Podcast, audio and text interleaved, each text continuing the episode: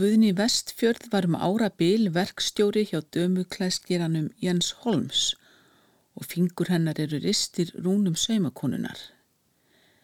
En í dag er hún hægt störfum sem er saumakona og saumar í framtíðina sem býr í undarlegum sálum manneskjunar. Við setjumst við lítið kringlótt borð og frú Vestfjörð, hispurslaus og hóvær en með augujafn kvöss og hlaup á haglabissu segir mér frá þessum furðulegu hæfileikum sem geraði verkum að hún er þessa dagana miðpunktur í lífi alla forvitina kaupmannahafnarbúa.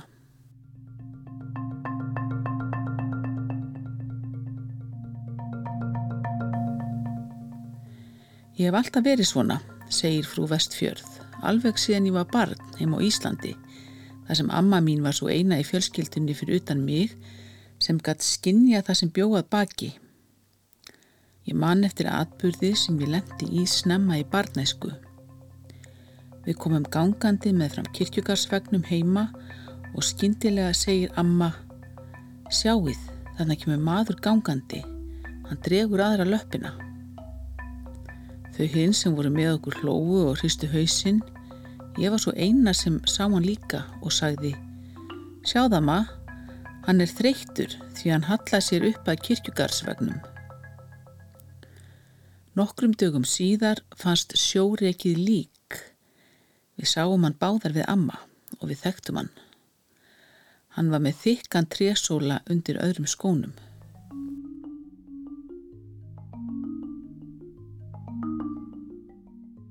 Þann 28. februar 1941 byrtist viðtal í dagblæðinu BT með stóri andlitsmynd af spákoninu á Vestubrú. Yfirskriftin var Spákonan sem öll kaupmannahöfn flikkist til og undir fyrir sögn hinn merkilega Guðni Vestfjörð segi BT frá dullrænum hæfileikum sínum. Þau standa í röð niður stigan Þau mynda byðröð frá því snemma morguns þar til löngu eftir að búið er að myrkva borgina.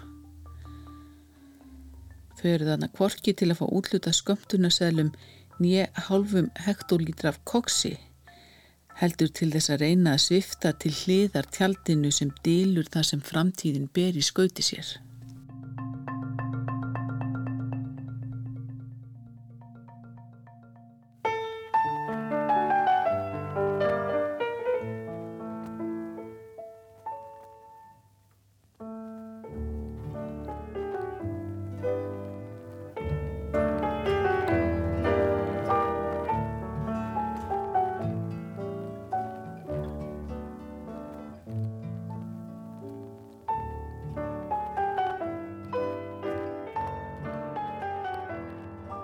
Íbúar kaupmannahafnar vilja láta spá fyrir sér og í augnablikinu er hvorki litið í spil eða lesið í kaffibæti.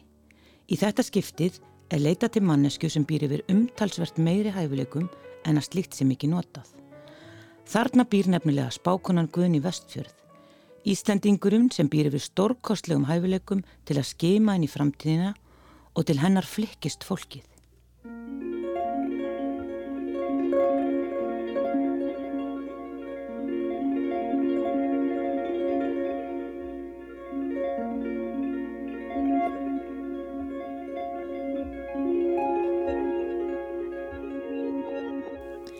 Ég horfi á manneskjuna sem situr á móti mér og skindilega sé ég eins og þóku stafa frá viðkomandi og myndirnar byrtast mér. Ég sé það sem hefur gerst og það sem framtíðin í skauti sér. Á meðan ásu stendur er mér ómögulegt að koma upp orði og stundum dætt ég út og byrð viðkomandum að koma aftur síðar. Ég segi aldrei frá neinunum að því sem ég sé. Og hvað sjáu þér eiginlega? Einn andlega heim sem er í kringum fólk. Um daginn fekk ég heimsóng frá konu. Hún byrjaði á að segja mér að hún vildi að ég vissi að hún triði ekkert á svona lagað. Ég svaraði henni að ég kynna metarhinskilnanar eins og bætti ég við. Þér hafið aldrei verið gift og þér munuð aldrei gangi hjónaband en ég sé yfir fyrir mér í brúðarkjól og ég sé skuggan af manni með grásprengt hár og nú sé ég að þér brotnið skindilega saman og felið andlitið í höndunum. Konan fölnaði upp og síðan sagði hún mér að hún hefði einu sinni ætlaði að giftast en á sjálfan brúðköpsdægin hefði unnusti hennar hrunið niður og látist samstundis úr hjartaslægi.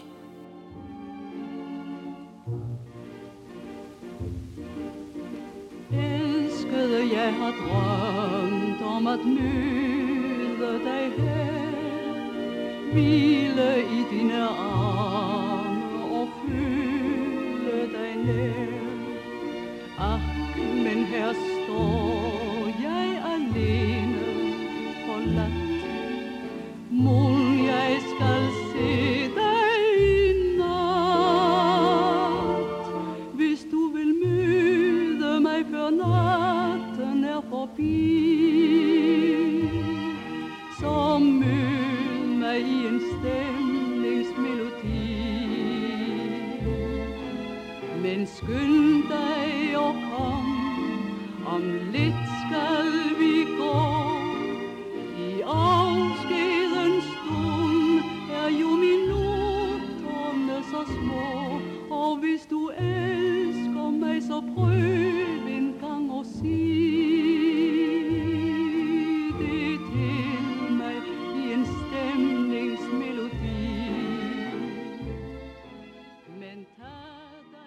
Guðni Vestfjörð varð á fjóra áratugnum vel þekkt sem spákona og miðill í Kaupmannhöfn.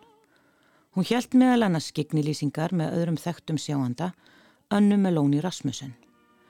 Anna Rasmussen sem tók sér nafni Melóni var saumakona frá Söborg sem var kunn í spiritistakreðsum fyrir að vera í tengslum við egifskan andalekni sem hitt Lazarus.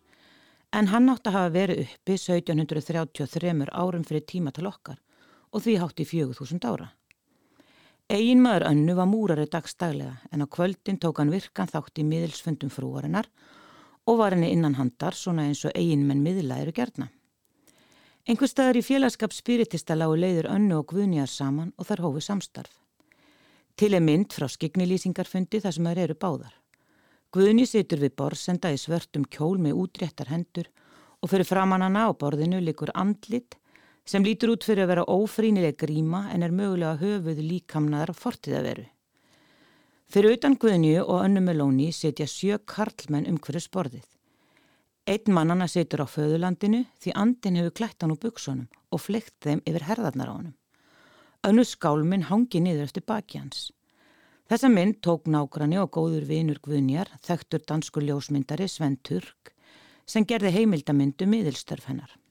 En Sven Turk sem að vinur hennar, vistu eitthvað um það hvernig svo vinátt að kemur til eða? Sko, hann var að bjó bara hann á hotninu á Viktorjagaði. En e, um tíma er Jens Holms, sambilismæður Guðnjar, sem við veitum svo sem ekki mikið um hvernig þeir, þeirra sambandi var háttað, um tíma býr hann hjá Sven Turk. Ég hérna, sé það bara í, hérna, já, í íbúaskrám. Þannig að kannski hef, hafa þeir verið kunningjar og Guðni hefur kynst Sven Turk í gegnum, gegnum þennan Jens eða Guðni hefur verið vinkuna Turks og, og komi Jens tí, á einhverju tímabili þegar hann flytur fara á konunu sinni þarna inn hjá, hjá Sven Turk eh, en, en, en þetta er náttúrulega svona eitthvað samfélag þarna á Vestubrú og mögulega hef, hefur hérna Sven Turk tók mjög mikið að myndum og svona að mannlífi og fólki og kannski hafði bara kynst svona sem þau hafa bara verið á sömu slóðum og kannski í einhverju spíritista félagi eða eitthvað slíkt sko, það geta alveg verið. En hann er efasemda maður sem snýst til spiritisma Já, þetta er svona dæmikjar saga sem maður hefur oft, það er einhver sem trúir ekki neitt og ákveður að fara á fund eða til spákonu eða til einhvers miðils og sannfarist því að viðkomandi veit allt eða allt og mikið til þess að það getur verið tilviljum.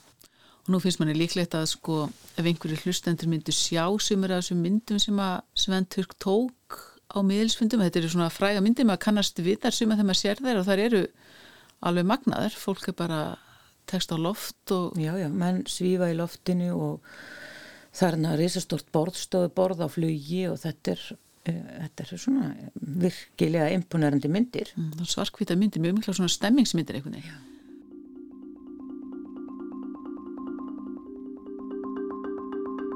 Frú Anna Meloni þótti hafa einstaka hæfilega til að ná sambandi við veröld andana. Í gegnum hana komst fólki í samband við látna ástvinni sem þótti heldur betur eftirsokna verðt. Á skiknilýsingum lokka hún oft fram læknin Lazarus sem þrátt fyrir að hafa látist nokkuð þúsund árum áður var alltaf í miklu stuði og farði til stóla á borð, gaf frá sig dula full hljóð og let pendula sveplast fram og tilbaka. Í lókseitin heimstyrjaldar fór tortryggi fólk að líta Melóni Rasmussen hjónin Hortnega og sennilega Guðnýju líka. Hún verist allavega að hafa fækkað skiknilýsingum og snúið sér meira að spámennsku og ráðgjöf. Um þetta leiti báðu nokkrir háskólakennarar önnu Melóni að sína yfirnáttúrlega hæfileika sína í viðvist vísindamanna. Á þessum árum var litið á svo kallega döl sálarfræði af meira alvöru en síðar varð og þess vegna var ekki endilega upphaflega um að ræða grunum að svik var í tabli á miðilsfundunum. Hins vegar fóru fljótlegar en að tvær grímur á vísindamennina sem fyldust haugfránum augun með á miðilsfundunum. Engver þóttist sjá mann í felum sem færði möblurnar, útfremi myndi óþægilega á óhreina bómullagresju og ímislegt sem framfór þótti meiralagi grunnsamlegt eða hreinlega bara fúsk og svindl. Þetta lag út til fjölmila sem fór að kanna málið. Frettaflutningurinn var mjög niðurlægindi fyrir Melóni-parið og sameilu vinu þeirra á Guðnjar, ljósmyndarinn Sven Turk, sem þarna var líka orðin réttöfundur sem hafi skrifað bókina Jæfa dús með onnenni, hótaði fjölmiðlum öllu yllu fyrir að grafa undan heiðarlegu miðlum og jafnvel málsókn. Bók Turks fjallar um hvernig hann í upphafi var afar tortrykkin á miðilstörf og dular heima, en sannfærðist vegna kynna sinna af önnumelóni og Guðnju vestfjörð. Í bókinu eru magnaða myndir af andafundum þar sem húsgokk fljúa um og fólk svífur í lausu lofti.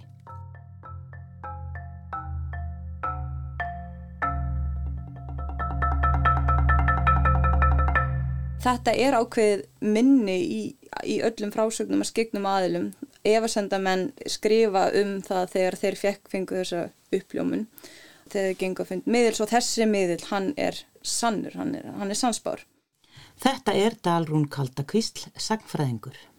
Hann kemur til hennar og hann sannfarist og hann vittnar svo um hennar góða orðspor. Þetta fer allt munlega fram.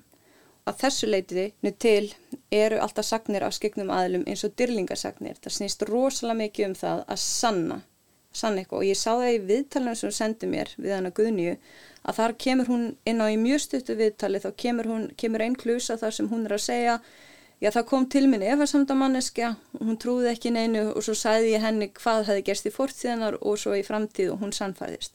Þetta er algjör þrástef en það koma all, mjög sjálfnast fyrir nema þá svona ykkurum utan komandi skrifum fram frásagnina af öllum villunum og þetta er mjög áhugavert við þetta því ég tala alltaf um þetta sem listform. Eins og ég segi ég er ekkert að spekulera hvort að við aðlætni trúðu sér sjálfur eða eir því að þetta, það er algjörlega skiptir ákveðt engum áli því að ég sé þessar skiknu konur sem listakonur, launaðar listakonur og að þar hefðu mikla hæfileika þegar vel gegn.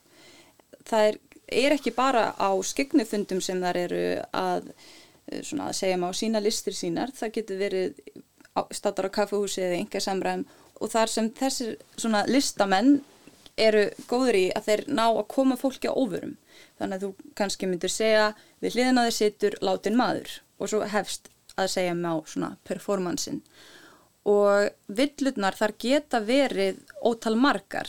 En þegar þú narð að er að segja að rína því að viðfangsefni þessar listamanna er manneskjan sem er fyrir fram á þér, tilfinningar þeirra, væntingar, vonir og vonbreyði og þegar þú narð að lesa svona vel í manneskjuna að þú narð fram upplýsingum sem þóknast þeim, þá ertu með þvíligan vinningsmiða því þá fer þessi manneskja stað og hún rauninu predikar hér er einhver sem sér inn í framtíðan eða hver eina. Þannig að það skiptir ekki hver oft í rauninni hver margar villur það eru því það er hverf á braut, það er alltaf þeirrið tekst vel til og þá skilar það áfram hróriðinum hún kann að bjarga sér. Og ég, þetta er alltaf að tala um þetta sem listakunur, þú notar það sem þú hefur. Og hún er hefur greinlega þennan gífurlega samfæringakraft sem margar þess að hvenna höfðu. En þetta voru mjög færa listakunur og það þarf að skoða líka út frá sjónarhórni listasögunar. Því við erum hér með að, hér er á ferðinni aðilar því á skiknufundum þá voru þar jæfnvel að störfum 2-3 tíma. Og þar voru að taka fyrir marga karaktera kannski á einum fundi. Þannig að það eru marga rattir og hver rött hefur sinn bakgrunn og sögulegan bakgrunn jafnvel. Og þetta er bara heilmikil farnir sem þar til. og eins og ég sagt það er engin önnu listastefna, engin önnu listgrein sem hefur vakislík hughrif og tilfinningarlega áhrif og miðilstörf hafa gert akkvært áhyrundum sínum og, og áhöröndum því að fólk var að falli yfirlið. Það var sko veinandi af ánægu, það var grátandi, hvað eina, það er ekkert annað listform sem getur vakið slíkar tilfinningar og miðlargerður varðandi fundagesti sína.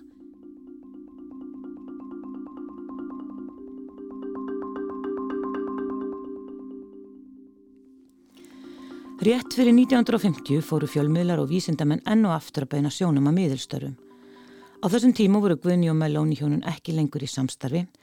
Auk þessum Guðni helt heimili fyrir sig og klæðskeran Jens, innbytt hún sér að því að heila og spá fyrir fólki skemmtana bransanum á samt greifum og öðrum efnuðum borgurum og veita persónlega ráðgjöf heimi hjá sér í Viktoríakaði. Að auki var alltaf gestagangur hjá henni. Íslendingar og ferðum um kaupmanöfn fengi að gista Oft var þetta fólk sem var að leita sér lækninga. Til hana kom líka fólk sem óttu hvergi höfði sína halla og fekk húsaskjól. Og stríðsárunum lefði hún jafnvel óttastlegnum gýðingum á flóta undan nazistum að hreyðra um sig á þurrkloftinu yfir íbúðinni. Og að sögn dótturdótturinnar hjálpa hún þeim jafnvel yfir til svíþjóðar. Og det er kun fordi du siger, hun var i fængsel, det kan ikke være rigtigt, fordi... Nø, nø. Ja, det siger du, men, men det kan da godt være, det var bedrageri. Men til gengæld så hjalp hun jo. Nej, det lyder åndssvagt. Nå, hun hjalp jøderne over med, med Sverige og sådan noget, det ved jeg. Og det ved jeg. Guðni skrapp líka öðru hverju til Íslands. Árið 1946 fór hún í sögulega ferð og Jósefína sýstirinnar hafði sitt að segja um þann atbyrð. Guðni kom. Hún kom 46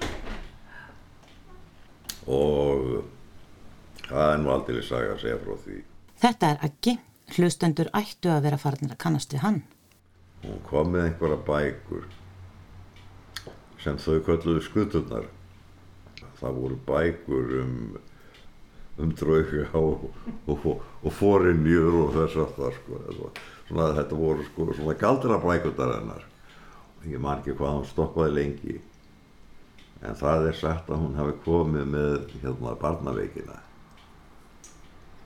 Býttu nú við. í þessum skuldum sko. þannig að um, uh, þá bygguðu á, á Torkagötu 21 en um, Lóló amma mín hún átti þá móðu mína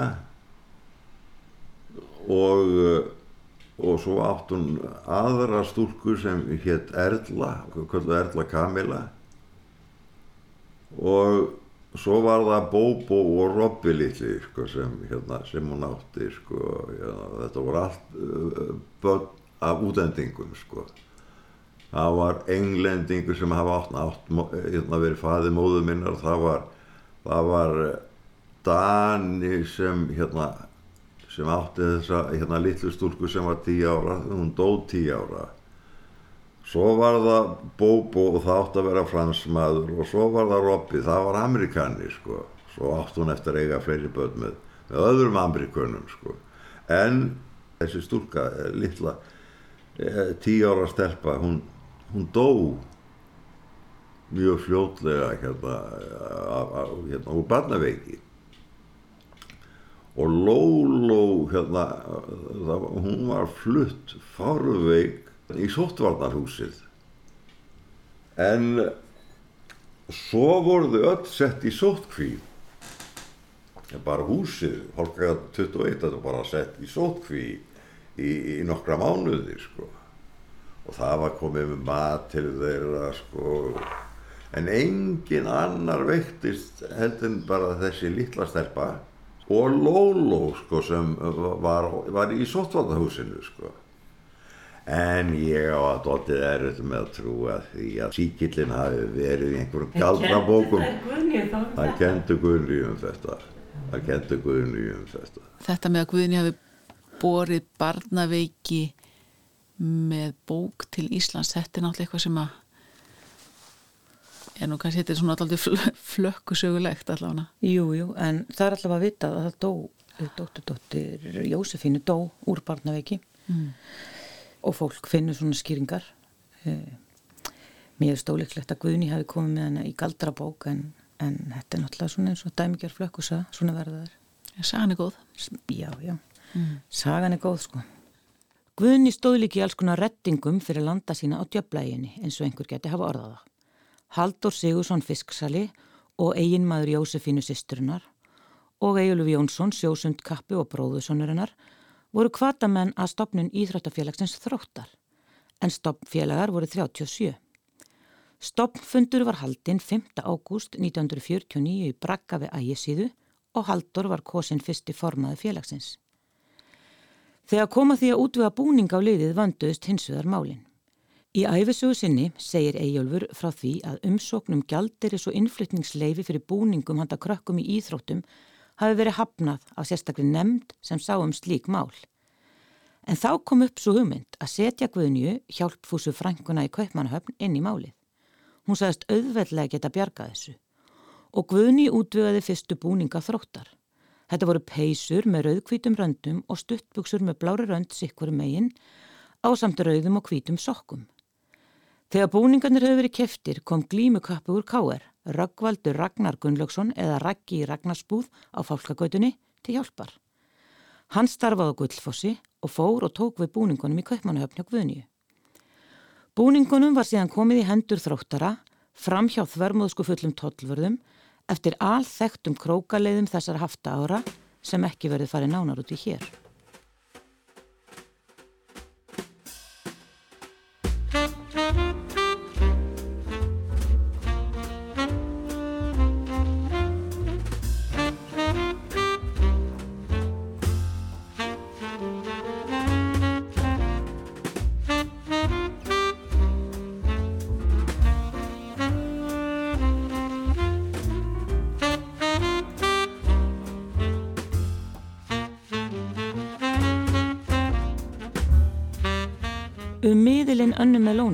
Var stöðugur orðrumra sveimi um að hún var í vafasa með pappir og í april árið 1950 var endanlega flett ofan af henni. Virtur læknir á barnadeildi Ríkispítalans í Kaupmannhöfn, doktor Preben Plum, hafi komið sér innundir og byggt upp tröst hjá Melóni hjónunum sem laug með því að hann bóðaði til skiknilýsingar á heimili sínu. Hann leti veðri vaka að hann vildi kynna hérna merkilegu dölarheima fyrir sem flestum og því er þið hópur frá danska útvarpin á staðnum. Hjónin voru upp veðrið yfir þessum mikla áhuga. En hins vegar sagði professor Plum þeim ekki að hann hefði látið gera gat í útveg stofunar hjá sér og að þaðan var hægt að festa allt sem framfór á filmu. Vélinni var meðal annars beint undir borð en þaðan kom Lazarus oftast með tilærandi braukju og bramli. Og allt gekk þetta eftir. Lazarus var í óvenju miklu stuði, hann leik á sítar og ritaði dulafull tákn á spjald. Hvorutvekja, spjaldinu og sítarnum, hafi verið komið fyrir undir borðinu áður en fundurinn hófst, en dúkurláttinn skíla því, eða svona næstundi. Myndavélinn fangað allt svindlið, þetta var sannkallaðu stórskandall og fólk vissi vart hvort að þetta hlæðið að gráta. Að þessu var gert mikið grín í revíusýningu. Árin og eftir var revíulag sem Íb Sjönnberg og Lífa Víl fluttu sannkvöldu landspláa í Danmörku sem öll þjóðin raulaði. Tekstinn segir söguna um samskipti doktors Prebens Plum við Melóni hjónin. Öll þau sem voru viðstödd þegar svika miðlinn var afhjópaður eru nefnd og einnig andalaknirinn Lazarus. Vi var inviteret af professor Plum. Vi to og et lille udsøgt åndepublikum. Plum han havde ordnet hele sceneriet, men var det så, der kom og plumpede i Det var mig og Meloni og Lazarus. Det var os to, og så det lille åndepus. Hver en åndeåbenbaring har nu fået sin forklaring. Det var bare mig, der var der mentor. Mange år har vi nu svunget vort pendul ånder spillede sitter, både Strauss og glade jul. Ånderne var ægte, alle troede spøjen. Der var kun tre, der vidste, det var løgn. Det var mig Og Meloni og og Lazarus. Ånden kom, når vi kildede kanon. både læge og lærte bag lyset. Et led i den opsigtvækkende afsløring var filmkammeratet. For at skaffe det fældende bevismateriale, som ingen kunne lyve sig fra, blev der brudt hul i ydermuren, og gennem en rude indfangede kammeratet den overordentligt simple forklaring på de fysiske fænomener af påstået åndelig art. For ikke at vække mediets mistanke, blev der samtidig filmet over bordet.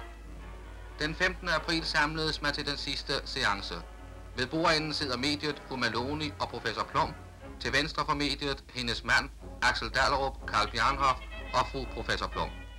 Seancen begyndte med, at den 4.000 år gamle Ægypter, Dr. Lazarus, meldte sig ved rytmiske bankninger.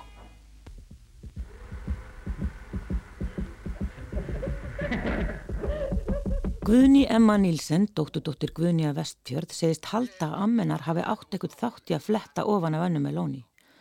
Hugsanlega var Guðni Vestfjörð yfirherð vegna starfa stallsistur sinnar og þeirra samstarfs og hún ljóstraði kannski einhver upp. Spákonan í Viktoriagaði var á þessum árum orðin alvönði að þurfa að mæta á stöðina og setja fyrir svörum í yfirherslum lögreglunar. Undir lok stríðsins, sennilega í byrjun árs 1945, ringdi símin á heimili Holms og Vestfjörð í Viktoriagaði 3 og Guðni var bóðið í til yfirherslu.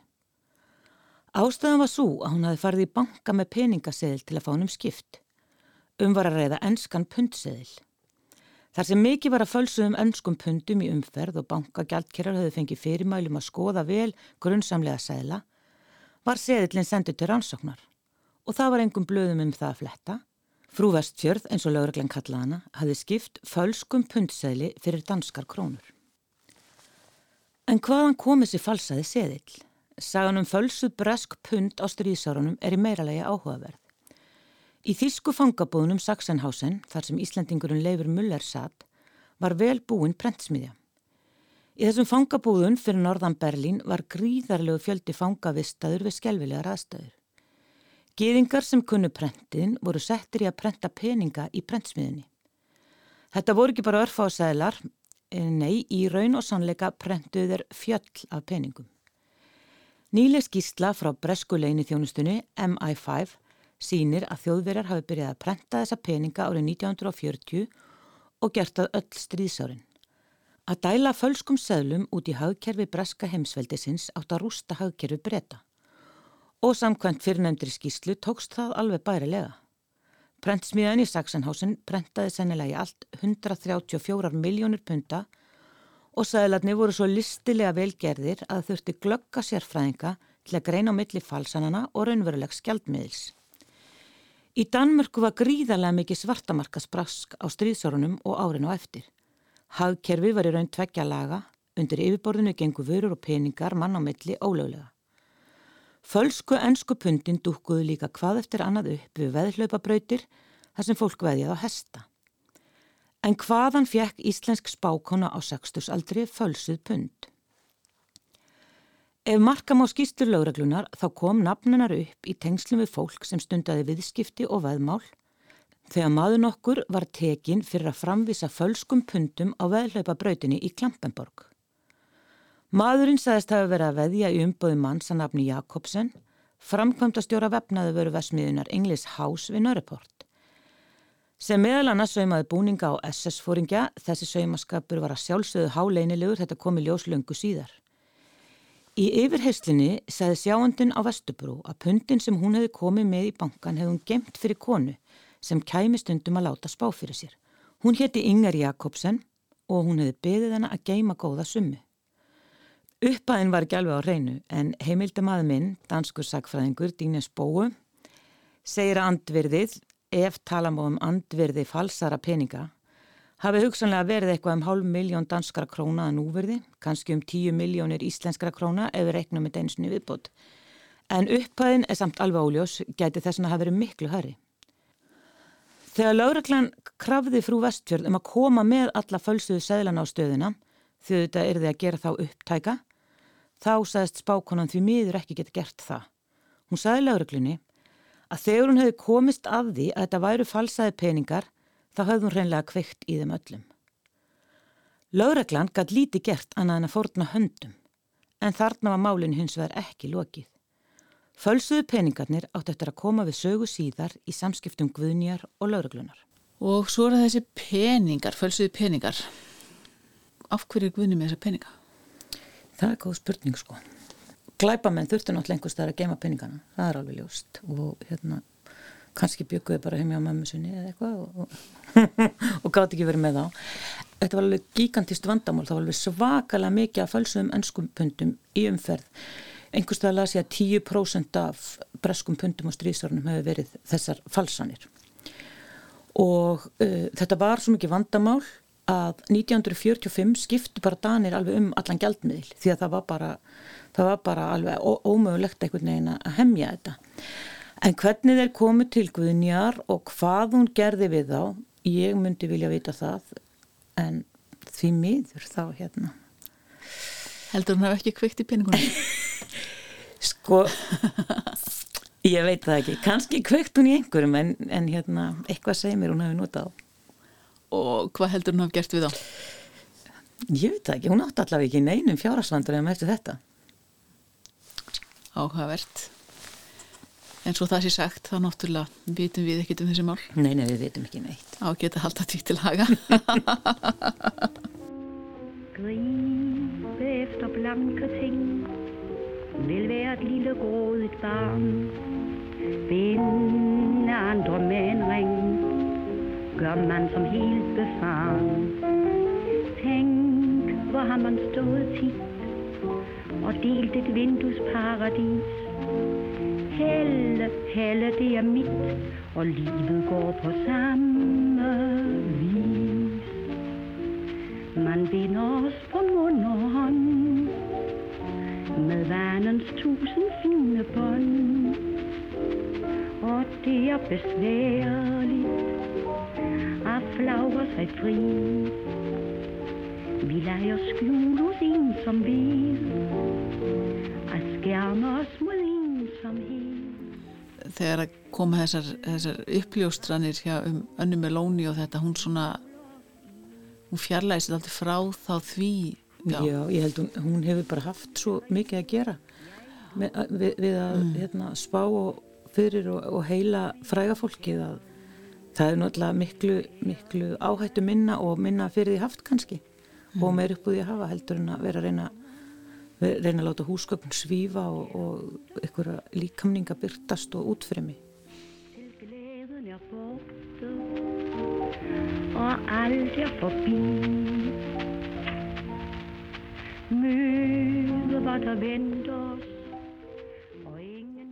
Sko, hún hefur veintalega verið góður miðl, góð í því sem hún var að gera.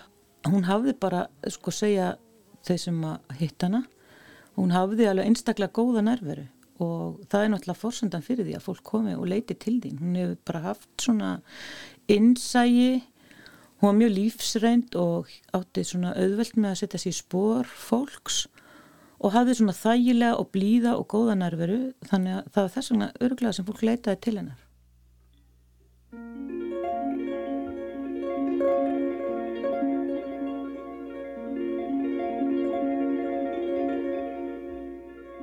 Það leiði ekki langu tími þar til lauruglan hafi aftur samband við Guðnýju. Í það skiptið var henni skipað að mæta í yfirheyslu vegna morðnáls. Og það var ekki bara ein manneska sem hafi verið myrt, heldur tvær. Eitt hrollkaldan dag í massmánuði 1948 gekk svartklæta spákonan inn á lauruglustöðuna á Friðusbergi. Nú átti aldeilis að regjur henni gardnirnar. I 1948 blev det pæne ægtepar Vilhelm og Inger Margrethe Jacobsen myrdet i deres herskabelige lejlighed på Frederiksberg. Altså, det var et meget bloddrøbende mor, og man hørte om, om nogle stokke, der var lagt i kors, og der var meget mystik om, om, omkring det mor.